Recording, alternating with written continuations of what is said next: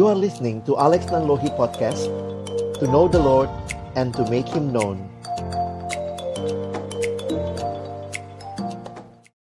Mari sebelum membaca merenungkan firman Tuhan kita berdoa. Bapa di dalam surga kami bersyukur. Karena di dalam hidup ini kami boleh mengenal siapa Tuhan pemilik hidup kami. Siapa Tuhan pencipta kami. Tuhan yang membentuk kami dengan begitu luar biasa. Tuhan kami mohon sore hari ini Ketika kami sama-sama berkumpul memuji memuliakan namamu Tiba waktunya bagi kami untuk membuka firman-Mu ya Tuhan. Karena itu kami mohon bukalah juga hati kami. Jadikanlah hati kami seperti tanah yang baik Supaya ketika benih firman Tuhan ditaburkan Itu boleh sungguh-sungguh berakar, bertumbuh Dan juga berbuah nyata di dalam kehidupan kami. Berkati baik hambamu yang menyampaikan firman Setiap kami yang mendengarkan firman Tuhan tolonglah kami semua. Agar kami bukan hanya menjadi pendengar-pendengar firman yang setia Tapi mampukan kami dengan kuat kuasa Pertolongan dari rohmu yang kudus Kami dimampukan menjadi pelaku-pelaku firmanmu. Ini doa kami Ini kerinduan hati kami. Di dalam satu nama yang kudus Nama yang berkuasa nama Tuhan kami Yesus Kristus, kami menyerahkan pemberitaan firman-Mu. Amin. Shalom. Selamat sore teman-teman. Selamat Paskah. Kita mah agak kelu ya bicara selamat Paskah. Karena biasanya Paskah hanya diucapkan pada waktu Paskahnya tok gitu ya. Tapi kalau Natal sampai Januari juga ketemu orang masih selamat Natal. Nah hari ini kita mau lihat sama-sama tema yang diberikan kepada kita. Um, saya siapkan PowerPoint buat kita perhatikan pada siang hari ini atau sore hari ini. Dan ini menjadi hal yang menarik untuk kita pikirkan. Who am I for God? Siapakah saya bagi Allah? Saya pikir pertanyaan Who am I? Ini menjadi pertanyaan penting di dalam kehidupan manusia. Yang paling ngeri hidup kalau kita tidak tahu kita siapa. Saya nggak mau spoiler lah ya. Nggak usah spoiler-spoileran. Kita ngomong yang sebelum-sebelumnya. Kalau teman-teman perhatikan film-film terakhir Bahkan ada satu yang coba mengangkat dalam sebuah tulisan bahwa film-film terakhir di dalam sekitar 10 tahun terakhir tema yang diangkat hampir selalu identitas. Jadi buat kita khususnya buat teman-teman lah ya yang lebih muda dari saya, buat orang-orang muda tema yang lagi ngetren di luar sana adalah tema identitas. Gereja harus bicara identitas dari perspektif yang benar. Kalau mau bicara buat anak muda saat ini, tema pentingnya itu identitas. Kalian nonton Captain Marvel, dia pun bicara identitas. Saya ini siapa? Gitu ya. Waktu nonton dulu siapa tuh yang uh, Peter Quill gitu ya. Uh -uh, Garden of Galaxy itu pun bicara identitas. Jadi nanti kita nonton yang superhero superhero begitu ya. Nanti kemudian kalau teman-teman lihat bahkan film kartun juga beberapa film kartun terakhir juga sebenarnya itu dimulai kayak salah satunya Zootopia. Kalau pernah nonton Zootopia, identity menjadi apa, becoming apa. Bahkan kalau kita perhatikan ini menjadi satu hal yang mewarnai apa yang terjadi di dalam dunia ini. Orang terus-menerus bertanya tentang pertanyaan who am I? Dan perhatikan, dunia juga sudah berusaha menjawab pertanyaan ini. Ilmu ekonomi menjawab manusia itu adalah makhluk ekonomi. Semua kegiatannya, perilakunya digerakkan oleh motivasi ekonomi. Kenapa sekolah? Ya biar nanti lulus. Emang kalau udah lulus mau ngapain? Biar nanti bisa dapat kerja. Emang kerja buat ngapain? Buat dapat uang buat bisa beli makanan. Oh, akhirnya orang berpikir, "Oh iya, kalau begitu manusia adalah makhluk ekonomi." Demikian ilmu ekonomi menjawabnya. Eh, yang politik nggak mau kalah. Manusia makhluk politik. Coba lihat. Ini waktu lagi apa ini? Baru selesai pilpres, pemilu, tiba-tiba semua jadi ahli politik gitu ya kalian pun sudah mulai lihat-lihat gitu dan segala macam. Dan ini membuat kita menyadari, oh iya, kita tidak bisa hidup lepas dari politik. Ada lagi yang bilang, oh manusia adalah makhluk komunikasi. Anak-anak komunikasi bilang manusia itu makhluk komunikasi. Jadi semua interaksi kita sebenarnya salah interaksi bertukar pesan. Yang namanya komunikasi. Waktu orang lagi diam pun dia sedang menukarkan sebuah pesan komunikasi. Jadi komunikasi bukan hanya verbal, tapi juga non verbal. Lihat papa, mama kita diem, nggak usah kita tanya, marah ya. Tapi kalau kamu tahu papamu, mamamu, mungkin langsung oh iya. Jadi akhirnya pertanyaan ini, who am I? Selalu berusaha dijawab. Sayangnya manusia lupa cari jawabannya kepada Tuhan. Manusia lupa kalau mau cari tahu jawaban siapa manusia, tanya sama penciptanya dong. Kenapa justru bertanya kepada yang lain? Nah, jadi ini yang um, Alex ingin kita sama-sama pahami pada sore hari ini. Pertanyaan ini bukan pertanyaan baru. Sejak manusia ada, saya pikir pertanyaan ini menjadi pertanyaan yang berkaitan dengan eksistensi, kehadiran, keberadaan. Apa masalahnya kalau kamu tidak bisa jawab pertanyaan ini? Kalau kamu nggak bisa jawab pertanyaan ini, maka mungkin sekali kamu akan punya ini yang namanya orang yang punya identitas, dia punya penghargaan terhadap dirinya. Sehingga dia tidak akan terlalu menilai dirinya terlalu tinggi atau bahkan menilai terlalu rendah. Jadi memandang diri dengan tepat itu menolong kita bisa memandang diri dengan tepat kalau kita tahu identitas kita. Manusia dipukul-pukul, ditendang-tendang langsung bilang, "Eh, ingat ya, itu bukan binatang." Kenapa? Karena kita mengerti bahwa binatang itu lebih rendah secara secara ordo urutannya. Nah, itu menolong kita memahami bahwa yang namanya prinsip mengerti identitas akan menolong kita bisa bersikap terhadap diri dengan benar dan juga terhadap orang lain. Ya. Katanya ini generasi yang lagi mengalami krisis identitas. Dan karena krisis identitas, beberapa ahli mencoba melihat krisis ini menimbulkan masalah. Dan apa saja masalahnya ya ini semua nih. Waktu dicari tahu kenapa orang terlibat narkoba, ya karena pengen aja. Kenapa pengen? Karena enak. Kenapa enak? Karena dia mau nyaman. Kenapa emangnya ada apa di rumah? Di rumah lagi banyak masalah. Kalau dia di rumah dia ingat masalahnya. Paling gampang ngisep narkoba atau ngisep uh, ganja lalu pikirannya lupa. Ditanya lagi lebih dalam, emangnya kenapa? Oh, keluarganya sedang mengalami krisis sehingga identitasnya terganggu.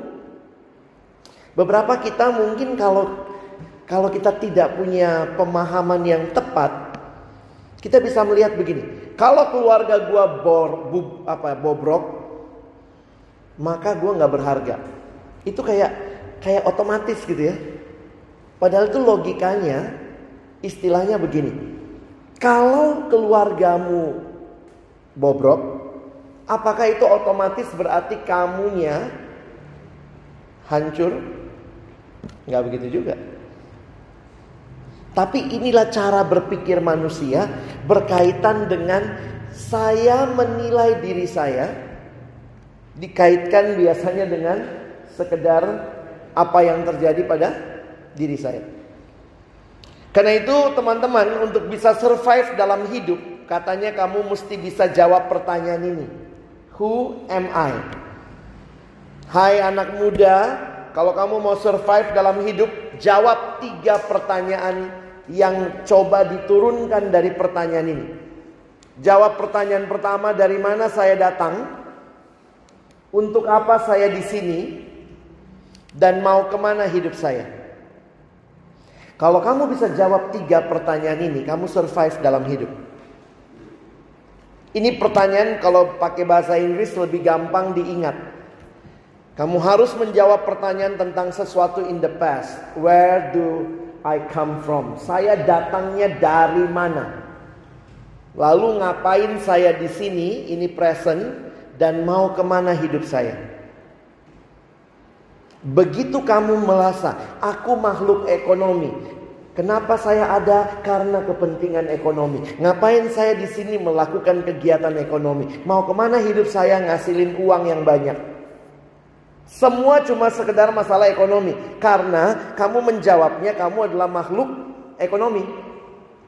Jadi ini cara berpikir dan perhatikan teman-teman, ini sedang dimasukkan dunia ke dalam banyak diri anak muda lewat lagu, lewat film. Jadi saya juga kaget gitu ya. Di zamannya Kak Alex tidak terlalu ya identitas ada ya. Tapi ternyata itu tidak terlalu kuat seperti sekarang. Jadi ini kalau kita membaca zaman saya pikir teman-teman pas untuk kita coba lihat lebih dalam bagaimana menjawab pertanyaan ini. Alkitab bilang apa? Kita lihat pengkhotbah 12 ayat 1. Yuk teman-teman lihat pengkhotbah 12.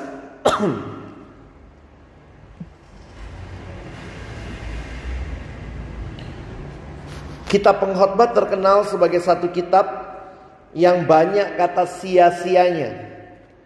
Tapi kalau kalian baca dengan jelas, ini kitab yang sebenarnya menolong kita memahami hidup dari perspektif yang benar. Ayo baca pengkhotbah 12 ayat 1, 1 2 ya. Ingatlah akan penciptamu pada masa mudamu sebelum tiba hari-hari yang malang dan mendekat tahun-tahun yang kau katakan tak ada kesenangan bagiku di dalamnya. Kapan tiba waktu-waktu yang malang yang kita bilang tidak ada kesenangan di dalamnya? Kapan itu? Waktu jadi tua. Jadi itu gambaran kalau kalian nanti lihat ayat 2, ayat 3 itu ke bawah itu gambaran puitis tentang orang yang jadi tua. Coba orang yang jadi tua, coba lihat ayat 2. Sebelum matahari dan terang, bulan dan bintang-bintang menjadi gelap, awan-awan datang kembali sesudah hujan. Ada yang punya terjemahan Alkitab bahasa Indonesia sehari-hari? Coba lihat. Terang itu di indera tubuh kita yang mana? Terang. Masalah mata. Jadi coba lihat ayat 2 dalam terjemahan bahasa Indonesia sehari-hari. Bila tiba saat itu matamu tak lagi terang. Sehingga pudarlah sinar surya, bulan dan bintang. Awan mendung pembawa hujan tetap menyertaimu bagai ancaman.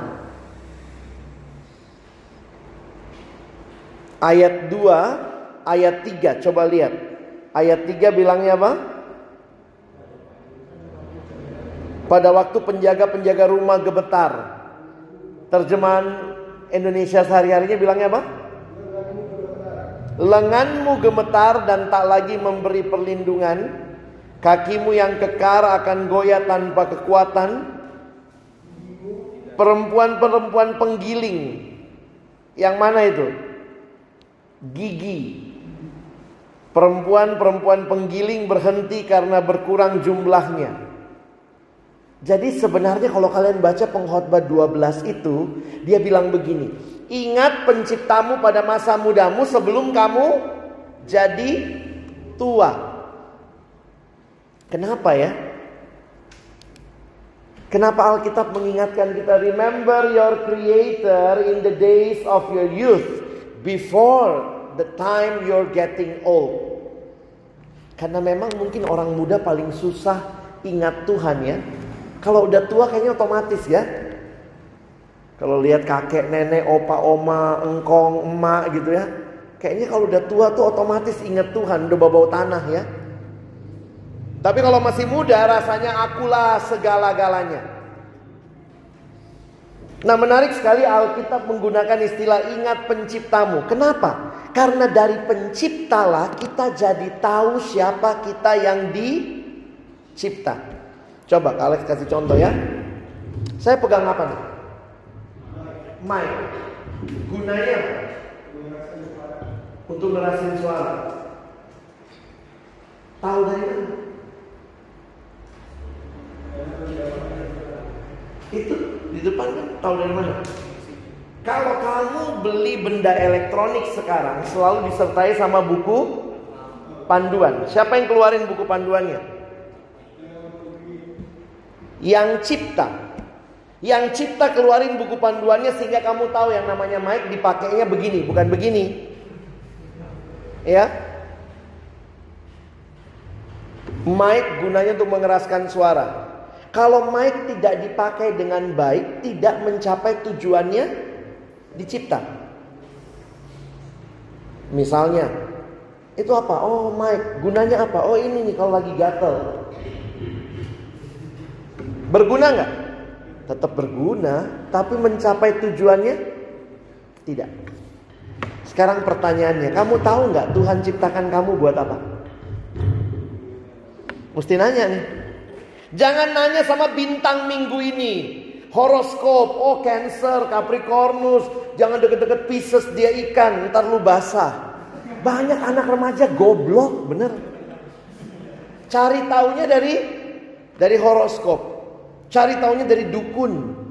Adik saya dulu pernah kerja di salah satu media dan dia pergi mewawancarai dulu ada yang siapa tuh dukun itu? Mama Mama Loren. Bener. Dan adik saya waktu datang itu lagi ngantri mau wawancara Mama Loren, dia bilang ada anak-anak SMA yang mau lulus ujian minta datang lihat sama Mama Loren. Bodoh ya. Manusia dicipta oleh Allah, tanya tentang hidupnya sama yang lain. Tanya hidupnya dari mana? Dari bintang, dari sio apa kamu? Oh, pantas kita ciong, sionya beda. My goodness. Kamu ditentukan oleh sio. What makes you special sebagai ciptaan Allah?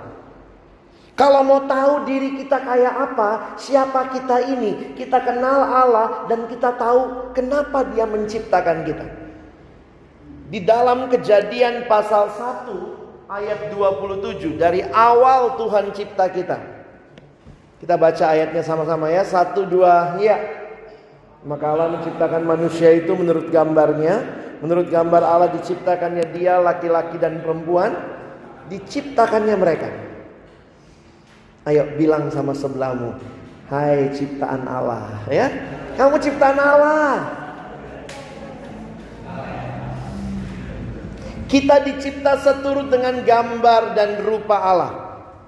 Istilah yang digunakan di dalam terjemahan bahasa Inggris menggunakan in the image of God.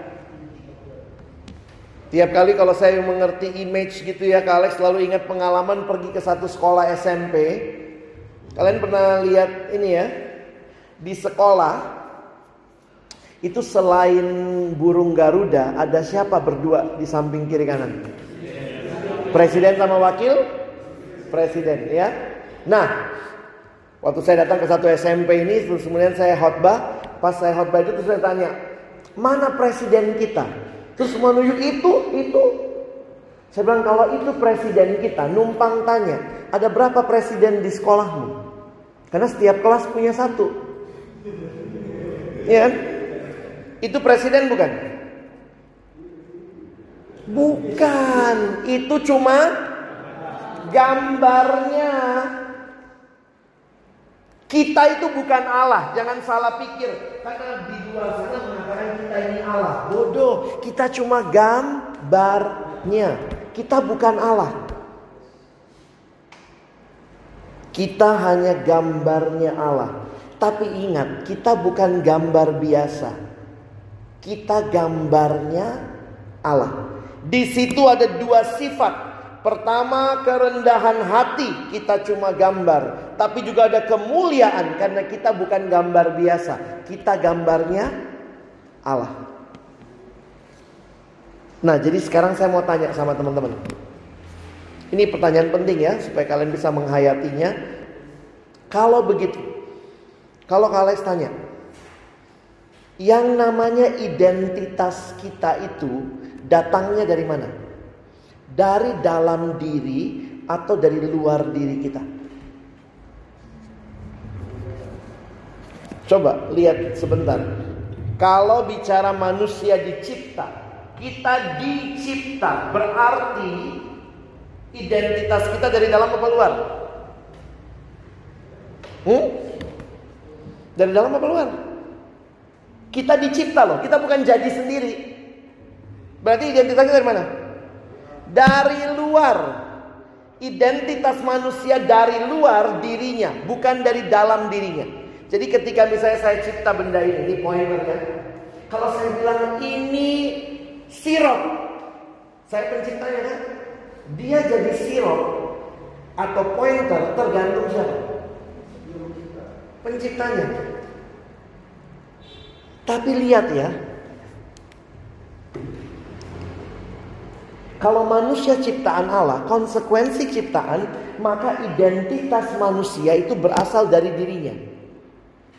Lihat sekarang film-film ini, sekarang mengatakan kepada kamu sadar atau tidak, bukan lihat dirimu, bukan lihat sorry, bukan lihat penciptamu, tapi selalu begini, follow your heart.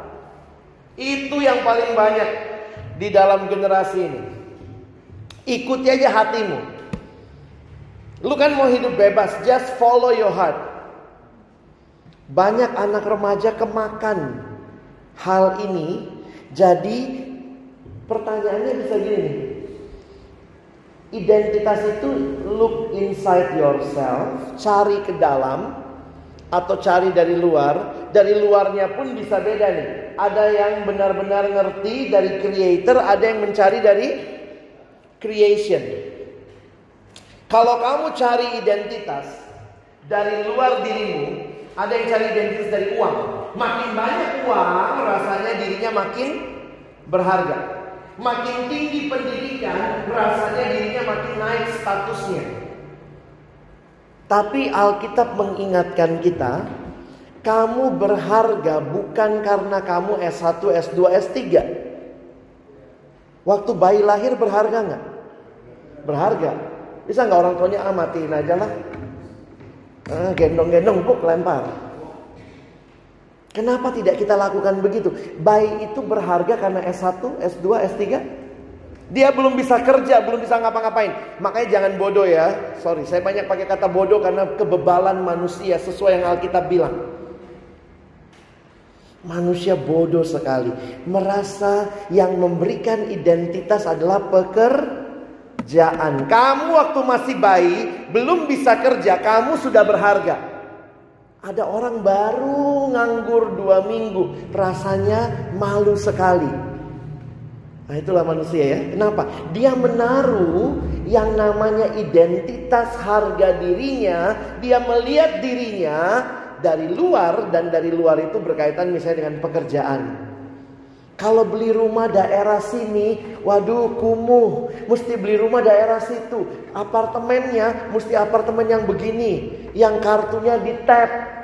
Jadi kadang-kadang kita sendiri merasa kita itu dapat identitas dari luar dan itu bukan Tuhan.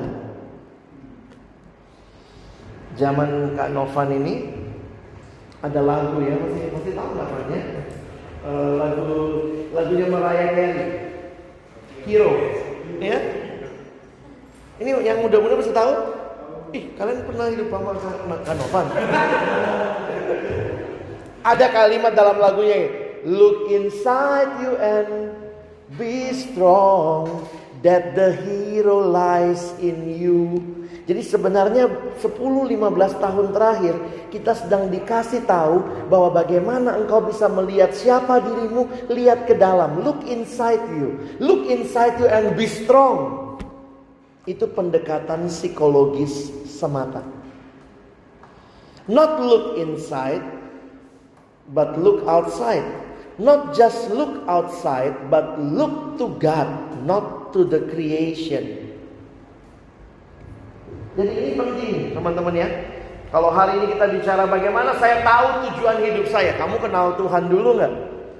Kalau kamu kenal Tuhan, kamu tahu bahwa kamu berharga karena Tuhan. Kamu berharga bukan karena berapa banyak follower IG-mu.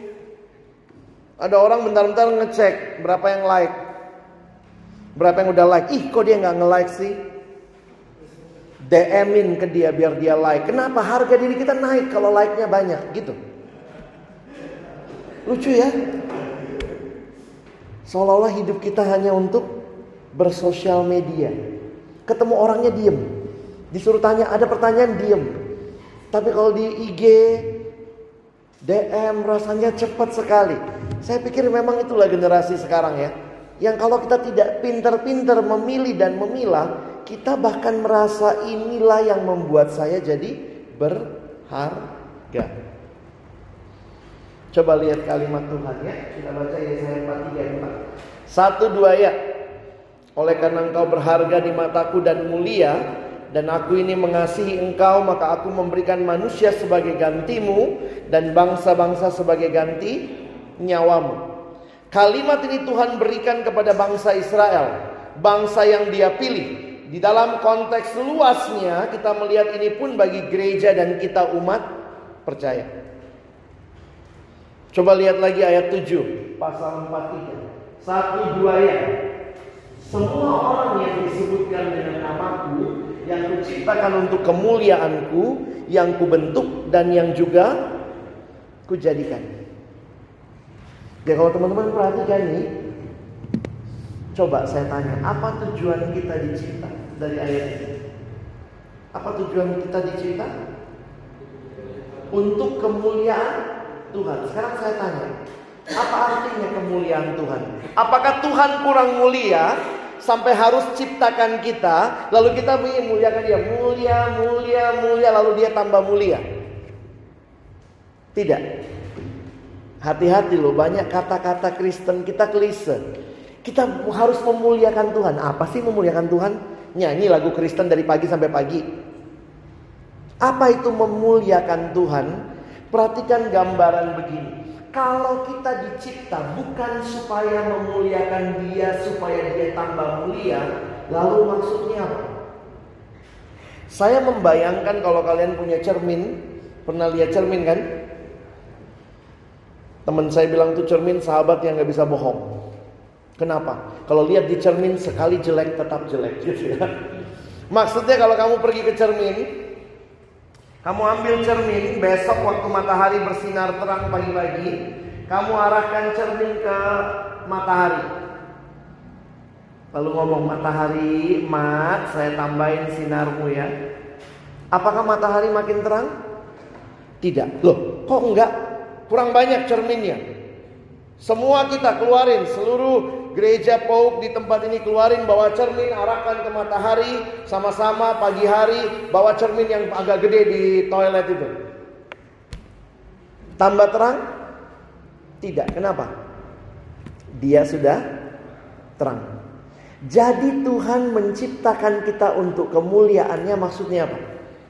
Bukan menambah kemuliaannya, tetapi dia berkenan menjadikan kita orang-orang yang merefleksikan kemuliaannya. Kita tuh reflektornya. Teman-teman dan saya hadir di dalam studi bagaimana saya memuliakan dia. Di dalam saya bermain bagaimana saya memuliakan dia. Di dalam saya melakukan aktivitas yang adalah hobi saya, bagaimana saya memuliakan dia. Jadi saya melihat ada Tuhan di segenap bagian hidup kita, bukan hanya di gereja. Oh, hari Minggu hari kudus. Hari Minggu kayaknya Kristen banget. Do not just be a Sunday Christian. Be a Christian every day. Jadi hidup kita ini menjadi hidup yang terus-menerus merefleksikan kemuliaan Tuhan. Berarti kalau saya bermain sama teman, yang namanya bermain, saya tetap menjaga nilai-nilai memuliakan Tuhan. Jangan membuli teman, jangan mengganti nama dia sama nama hewan, jangan Kadang-kadang kita pikirkan, oh kalau di gereja nggak apa-apa lah. Oh puji Tuhan, haleluya. Di luar emonya anjing lu. Kadang-kadang gampang banget mulut ini ya. Apa artinya di rumah kita memancarkan kemuliaan Tuhan? Berarti kita belajar mengasihi orang tua kita. Kita belajar mengasihi sanak saudara kita, kakak adik kita. Kita belajar di dalam hidup di rumah, kita boleh merefleksikan apa artinya Tuhan mulia. Dan itu dia izinkan, ayo kamu menjadi alat yang merefleksikan kemuliaanku. Poinnya ini. Our identity and purpose. Identitasnya kamu gambar Allah. Purpose hidupmu adalah kamu memuliakan Allah. Your identity and your purpose is not coming from the world. It's from God. Itulah yang namanya tempat sasaran menjadi yang terbaik. Nah, saya harap teman-teman prinsip ini kalian bisa pahami. Selebihnya mungkin yang Kak Alex akan sampaikan ini secara cepat saja. Tuhan tuh maunya kita begitu. Waktu dia ciptakan kita tuh Tuhan lagi kayak Tuhan nggak nggak ini ya. Saya, saya membayangkan Tuhan lagi nggak kekurangan mainan. Aduh, nggak ada mainan nih bikin Alex tak bikin ya. Tapi waktu dia ciptakan saya, dia ciptakan kamu. Tujuan Allah adalah supaya engkau memuliakan aku. Supaya engkau punya identitas yang firm di dalam aku. Alex tadi contoh-contoh aja ya. Satu waktu ada anak yang datang sama saya dan bilang, Kak hidup gua nggak berharga. Kenapa? Saya memang ditolak dari lahir. Loh kok tahu? Terus tiba-tiba dia bilang gini, anak sekarang kan pinter-pinter ya. Masa kak? Gue ngeliat tanggal merit bokap nyokap gue. Mereka meritnya akte pernikahannya itu tanggal sekian bulan sekian. Masa lima bulan kemudian gue lahir? Terus saya bilang, terus kenapa? Kesimpulanmu apa? Berarti mereka udah bersina dong. Hamil di luar nikah. Berarti sebenarnya gue nih gak diharapin kak. Tahu-tahu ada gua, mereka merit. Terus saya bilang sama dia, terus kenapa? Berarti saya nggak berharga. Nah waktu itu dia memang lagi punya pergumulan, dia kait-kaitin lah semua. Memang ya gue nih memang gak berharga ya kak. Jadi identitas dia, dia kaitkan dengan kondisi keluarga. Itu caranya remaja selama ini biasanya mengkaitkan identitas diri. Saya bilang sama dia begini. Dosa orang tuamu adalah dosa orang tuamu. Mereka harus minta ampun mengaku di hadapan Tuhan dan menyelesaikannya. Itu urusan mereka. Tapi ingat, kamu ada dalam dunia itu rencana Tuhan. Tapi dengan cara ini saya masa ada dalam dunia melalui orang tua yang bersinah. Saya bilang itu bukan urusanmu, itu caranya Tuhan. Tapi kamu ada, kamu lahir, bagaimana kamu lahir tidak ada tidak ada masalah dengan itu. Yang pen, yang penting adalah kamunya ada rencana Tuhan dalam hidup. Tuhan maha tahu nggak? Tahu ya? Ada nggak bayi yang lahir lalu Tuhan kaget? Ih kok ada? Ini hasil selingkuh ya? Saya nggak tahu nih. Saya tidak membenarkan selingkuhnya. Saya tidak membenarkan perzinahannya. Tapi saya melihat bukan cuma Pertamina yang mulai dari nol. Tuhan juga bilang untuk engkau dan saya, hidupmu, hidupku mulai dari nol ya. Tidak ada kaitan langsung harga diri identitas kita dengan kondisi keluarga kita yang sebagian besar mungkin harus mengaku broken. Tidak ada papa yang sempurna, mama yang sempurna, orang tua yang sempurna. Kadang-kadang memang mesti pemulihan satu keluarga ya. Tapi saya harus tekankan, yang namanya berharga tidak berharganya kamu, bukan karena kamu dari latar belakang keluarga yang seperti apa. Seburuk apa pun latar belakang keluargamu, Tuhan punya tujuan yang indah buat hidup. Tidak ada yang bisa bilang karena papaku penjudi, mamaku pelacur, maka aku perampok. No. Kamu berharga. Saya pikir penjudi, pelacur pasti juga ingin anaknya jadi yang terbaik. Apalagi Bapak di surga. Kesalahan-kesalahan pilihan kenapa jadi perampok, kenapa jadi pelacur itu kesalahan manusianya. Jangan salahkan Tuhan ya. Jadi ini menolong saya untuk makin menyadari iya ya. Gak gampang loh mengerti kita punya identitas di dalam Tuhan. Nah kalau identitas jelas, purpose-mu juga jelas. Begitu dia bilang, ah identitas gue ini, gue kayaknya anak haram, anak sundal, gak diperhatikan, gak digubris. Udah deh, ke sininya purpose-nya jadi aneh. Kita sudah rayakan kematian Jumat Agung kematian Yesus dan kebangkitannya. Dan itu mengalahkan dosa. Dan itu menjadikan satu hal yang penting buat kita. Bahwa ketika hidup itu rusak. Coba kalau HPmu rusak kamu ke mana? Ke tukang jahit. Itu kan bodoh ya. HP rusak ke tukang jahit. Mau jahit mulutmu. HP rusak ke tukang Ya sebenarnya tukang HP yang paling bagus ke service center dari HPmu Samsung jangan ke service centernya Oppo. Oppo ngono kamu. Nangkep maksudnya ya?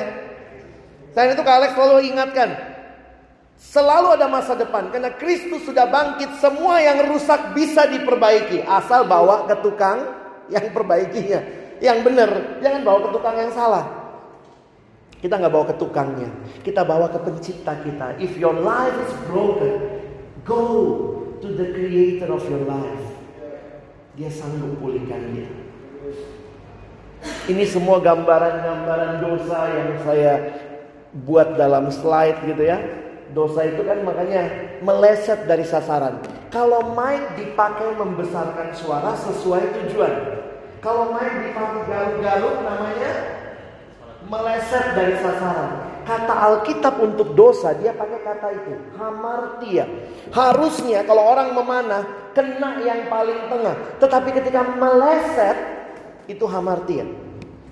Manusia ini kan harusnya memuliakan Tuhan. Begitu nggak memuliakan Tuhan namanya hamartia. Harusnya manusia itu the bestnya dia mengasihi sesama. Begitu dia nggak hidup mengasihi sesama dia hamar Tia. Harusnya manusia itu terima dirinya. Terima kasih Tuhan. Tuhan ciptakan saya berharga.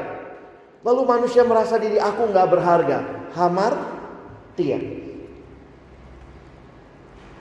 Lalu kemudian kita mencari hal-hal yang membuat kita terikat. Dosa itu mengikat kita. Tadi gambar videonya juga ditunjukkan begitu ya.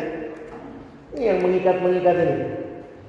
Ada orang-orang yang diikat dengan hal-hal seperti ini judi, narkoba, rokok, mulai coba-coba rokok. Saya pikir sih, aduh, kalau rokok jadi sesuatu yang membawa dirimu lebih berharga, nggak kebalik.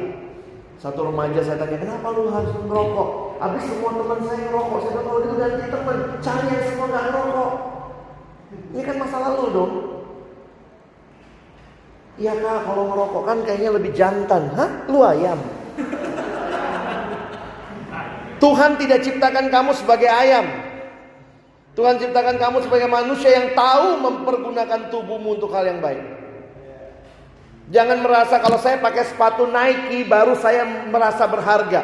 Paksa orang tua beli padahal gaji juga susah.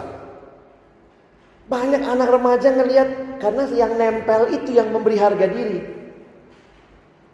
Nempelnya dari luar salah lagi, dari ciptaan. Kamu berharga karena kamu milik Yesus. Ada lagi yang diikat sama HP-nya sendiri. Inilah alat-alat yang mengikat kita karena ternyata apa? Harga diri kita di sini. Di IG kita, di status-status kita, di cara kita berkomunikasi sehingga ya social media have a smartphone but not smart. Benar. Ini bisa jadi alat yang luar biasa. Satu sisi kita pakai memuji Tuhan tapi kita akses porno juga di sini. Smartphone atau goblok phone? Sosial media jadi alat mencari jati diri. Bisa dipakai buat bagus, bisa. Saya juga awal-awal ngerasa gitu ya. Ih, perlu nambah follower gitu ya. Terus kemudian ada yang masuk tuh ya. Kan suka gitu ya. Untuk menambah follower, uh, bayar ke link ini. Terus saya kaget juga yang ngefollow kok orang-orangnya sebagian nggak pakai baju gitu ya. Ada yang porno-porno, ini apa sih? Apa yang dicari? Tapi mikir-mikir iya ya. Itulah cara dunia. Ada yang terjebak dengan belanja. Oh saya nggak pernah ke mall kak. Iya tapi lihat HPmu. Tokopedia, Lazada, apa beli-beli. Jadi kita terjebaknya semua ada. Cuman dia hanya sejauh klik sekarang. Belum lagi yang terjebak sama ini drama Korea. Rasanya harga diri dari situ. Lu udah nonton belum? Gue udah dong. Harga diri kita tergantung udah nonton Endgame belum? gitu ya. Avenger. Jadi kadang-kadang juga gitu ya. Dan lihat tuh, dunia pinter banget. Dunia tawarin apa? Identitas. Karena itu yang lain jangan spoiler dong, jangan spoiler dong. Kenapa? Identitas lu belum sama kayak identitas lu. Ya ampun gitu ya. I'm so tired but I can't stop watching. Siapa ini nggak ngerti? Opa, oma, ya. Saya kumpul-kumpul gambarnya aja nggak kenal siapa. Yang cowok juga.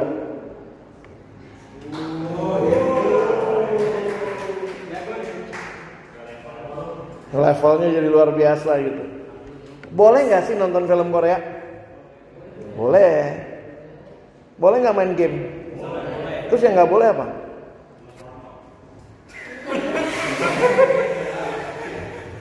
yang nggak boleh?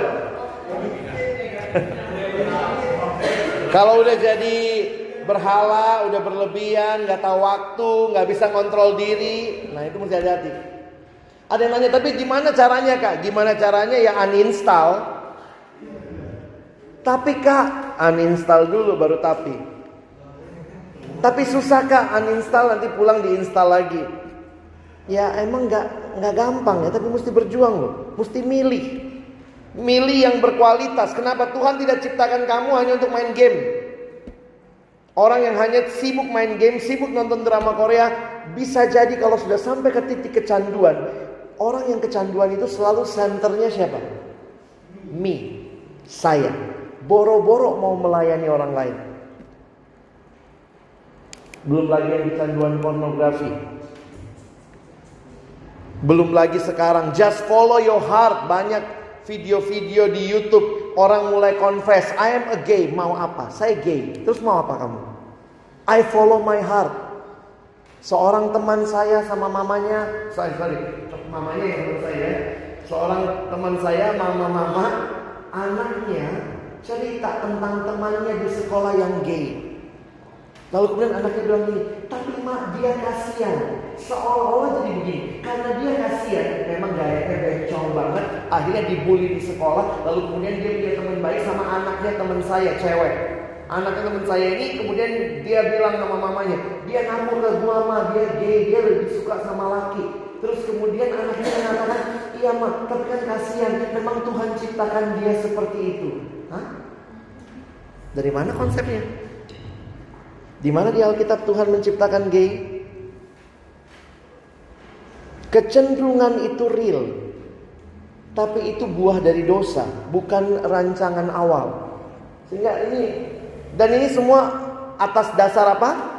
Just follow your heart. Apa yang bikin hati lu seneng itu yang benar. Kalau hati ini jadi kompas hidup, hancur kita. Harus ada firman. Makanya di gereja-gereja hamba Tuhan sebelum naik dikasih Alkitab. Ini yang diberitakan. Itu kebenaran, kompasnya itu. Belum lagi nih, seks sebelum merit. Kayaknya sekarang free love, free sex itu udah gampang banget.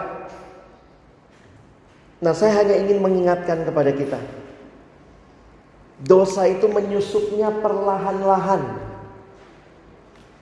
Kita memberontak kepada Allah secara sadar dan perlahan. Terjadinya memang pelan-pelan.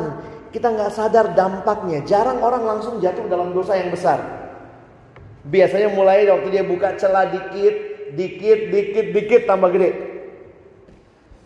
Ada yang namanya John Stott dia kasih gambaran begini. Ternyata kalau di padang pasir itu malamnya dingin banget, siangnya panas banget. Jadi malam-malam itu biasanya orang Arabnya bikin tenda, Lalu dia tidur di dalam tenda karena dingin. Tendanya sih hangat ya. Nah biasanya unta yang dipakai sama si Arab itu biasanya kedinginan di luar. Nah unta itu biasanya mulai masukin kepalanya ke tenda. Dia tahu juga tempat hangat ya. Nah kalau dia masukin kepalanya ke tenda, itu teorinya harus langsung diusir. Karena kalau kita bilang iya kasihan ya, iya ya udah nggak apa-apa kepala kan. Nanti lama-lama kita tidur, si Arabnya tidur, nanti mulai lehernya masuk. Nanti mulai badannya masuk. Nanti seluruh onta itu masuk di dalam di dalam tenda Arab di luar karena udah kegeser. Nah, John Stott ingatkan, jangan beri celah sedikit pun kepada dosa. Sekali kita buka kecil, tambah gede, tambah gede, tambah gede. Kalau udah rasa kecanduan, stop. Kenapa? Nanti ada point of no return. Kadang-kadang udah kalau udah sampai kecanduan banget, mau balik pun udah berasa nggak bisa. Kita kehilangan rasa hormat terhadap diri sendiri, kemampuan untuk berpikir sehat, kemampuan untuk berkata jujur, kemampuan untuk memberi, kemampuan untuk mengasihi dan kemampuan untuk hidup kudus. Kita hanya hidup bagi diri sendiri. Tidak heran dosa membawa akibat-akibat ini kalau kamu rajin galau, iya kak galau. Disuruh ini, iya kak galau. Nah kamu inget-inget hati-hati tuh. Jangan pikir itu biasa, anak sekarang semua galau. Itu bahaya. Kenapa bahaya? Karena kamu seolah-olah gak punya tujuan hidup. Alkitab berkata upah dosa adalah maut. Sebagai penutup apa yang Yesus lakukan bagi kita, Yesus sebenarnya sederhana, menyelesaikan dosa kita supaya kita kembali ke tujuan awal. Coba lihat lagi ya, baca ayat ini sama-sama. Satu dua ya. Ia sendiri telah memikul dosa kita dalam tubuhnya di kayu salib supaya kita yang telah mati terhadap dosa hidup untuk kebenaran. Oleh bilur-bilurnya kamu telah sembuh. Perhatikan, kita dibebaskan supaya kita hidup untuk kebenaran. Baru saja kita peringati Jumat Agung dan Paskah. Lihat ayat ini baik-baik. Kristus mati agar kita hidup untuk kebenaran. Kita yang sudah hidup bagi dosa dan hidup di dalam dosa, hidup yang akhirnya kalau tidak ketemu Yesus, kita binasa. Tapi sesudah kita ketemu Yesus ada pembaharuan, ada kelepasan. Dia mati supaya kita dibebaskan. Dan karena itu sekarang ya saya lewati ini kita baca ayat terakhir satu dua ya barang siapa mengatakan bahwa ia ada di dalam dia ia wajib hidup sama seperti Kristus telah hidup. Jadi sekarang ini hidup kita punya tujuan. Tujuannya adalah untuk memuliakan Tuhan seperti Kristus telah hidup. Bagaimana cara belajarmu? Berubah nggak? Bagaimana cara bergaulmu? Kalau sudah pacaran bagaimana cara berpacaranmu, gaya berpacaranmu? Gampang sih untuk kita coba ngukur hidup kita semana. Cukup jawab pertanyaan, sudahkah saya makin mirip Yesus? Keserupaan dengan Kristus adalah tujuan Allah bagi umatnya. Siapa yang hidupnya sangat memuliakan Allah? Tuhan Yesus. Dan apa artinya saya hidup bagi kemuliaan Allah? Saya harus makin mirip Yesus. Kenapa? Because all of his life is for his glory. Saya coba simpulkan begini, perhatikan ya. Kita tuh dicipta oleh Tuhan. Dicipta dengan identitas supaya hidup memancarkan kemuliaannya. Ini yang hancur dalam dosa. Kristus mati, dia jadi manusia, dia menderita mati, tapi dia bangkit sehingga sekarang kita bisa untuk masuk dalam hidup yang baru. Apa itu hidup yang baru? Kembali ke tujuan awal. Tujuan di mana kita hidup bagi Allah, identitas kita dalam Dia, dan kita hidup jadi saksinya di dalam dunia. Ada tiga hal yang Kak Alex pikir, kenapa Tuhan titip sama kita? Pertama, orang Kristen punya iman, dunia tidak punya iman. Udah nggak tahu lagi yang mana yang benar, yang mana yang salah. Nggak tahu apa yang bisa dipegang di luar sana. Dunia tidak punya iman. Orang Kristen punya. Yang kedua, dunia tidak punya kasih. Makin lama kita lihat orang makin saling balas dendam, saling menghancurkan. Orang Kristen punya kasih. Yang ketiga, dunia nggak punya pengharapan. Orang Kristen punya pengharapan. Saya jadi mikir teman-teman, kenapa Tuhan titip tiga hal ini yang dunia tidak punya dititipkan ke gereja? Saya pikir jawabannya sederhana. Supaya gereja hidup memuliakan Allah dan membagikan pesan ini. Bagikan iman bahwa Yesus satu-satunya jalan. Bagikan dan tunjukkan kasih dalam hidupmu orang lain bisa lihat ini kasih yang tulus. Dan kamu punya pengharapan, tidak gampang menyerah. Karena apa? Karena ada Tuhan yang berikan masa depan. Kalau kamu tahu identitasmu, kamu alami pemulihan, kamu bukan cuma berguna bagi Tuhan dan dirimu. Tuhan akan pakai kamu berguna bagi orang yang lain. Kiranya Tuhan menolong kita menghidupi firman-Nya dalam keseharian kita. Mari kita berdoa. Tuhan kami bersyukur karena kami adalah orang-orang yang kau tebus. Kami hidup hanya satu kali dan di dalam hidup yang cuma satu kali ini kami tidak mau kehilangan identitas. Kami tidak mau kehilangan tujuan hidup. Dan hari ini kami mengerti Identitas kami, tujuan hidup kami hanya di dalam Tuhan. Ampuni kami yang masih sering kali merasa ragu, merasa kami kurang berharga, merasa kami masih begitu hancur, tapi Tuhan selalu ada pemulihan di dalam Engkau. Kami bersyukur tidak ada barang yang tidak bisa diperbaiki tetapi hanya jika dibawa kepada penciptanya. Kalau hidup kami hancur, kami bawa kepada pencipta kami. Engkau sanggup mereparasi total hidup kami. Supaya kami tidak hidup bagi dosa, tapi kami hidup bagi Allah. Dan ketika kami dipulihkan, pakai kami memulihkan sekitar kami. Mulai dari keluarga kami, teman-teman kami. Dunia ini pakai kami Tuhan. Kami bersyukur dalam nama Yesus kami berdoa. Amin.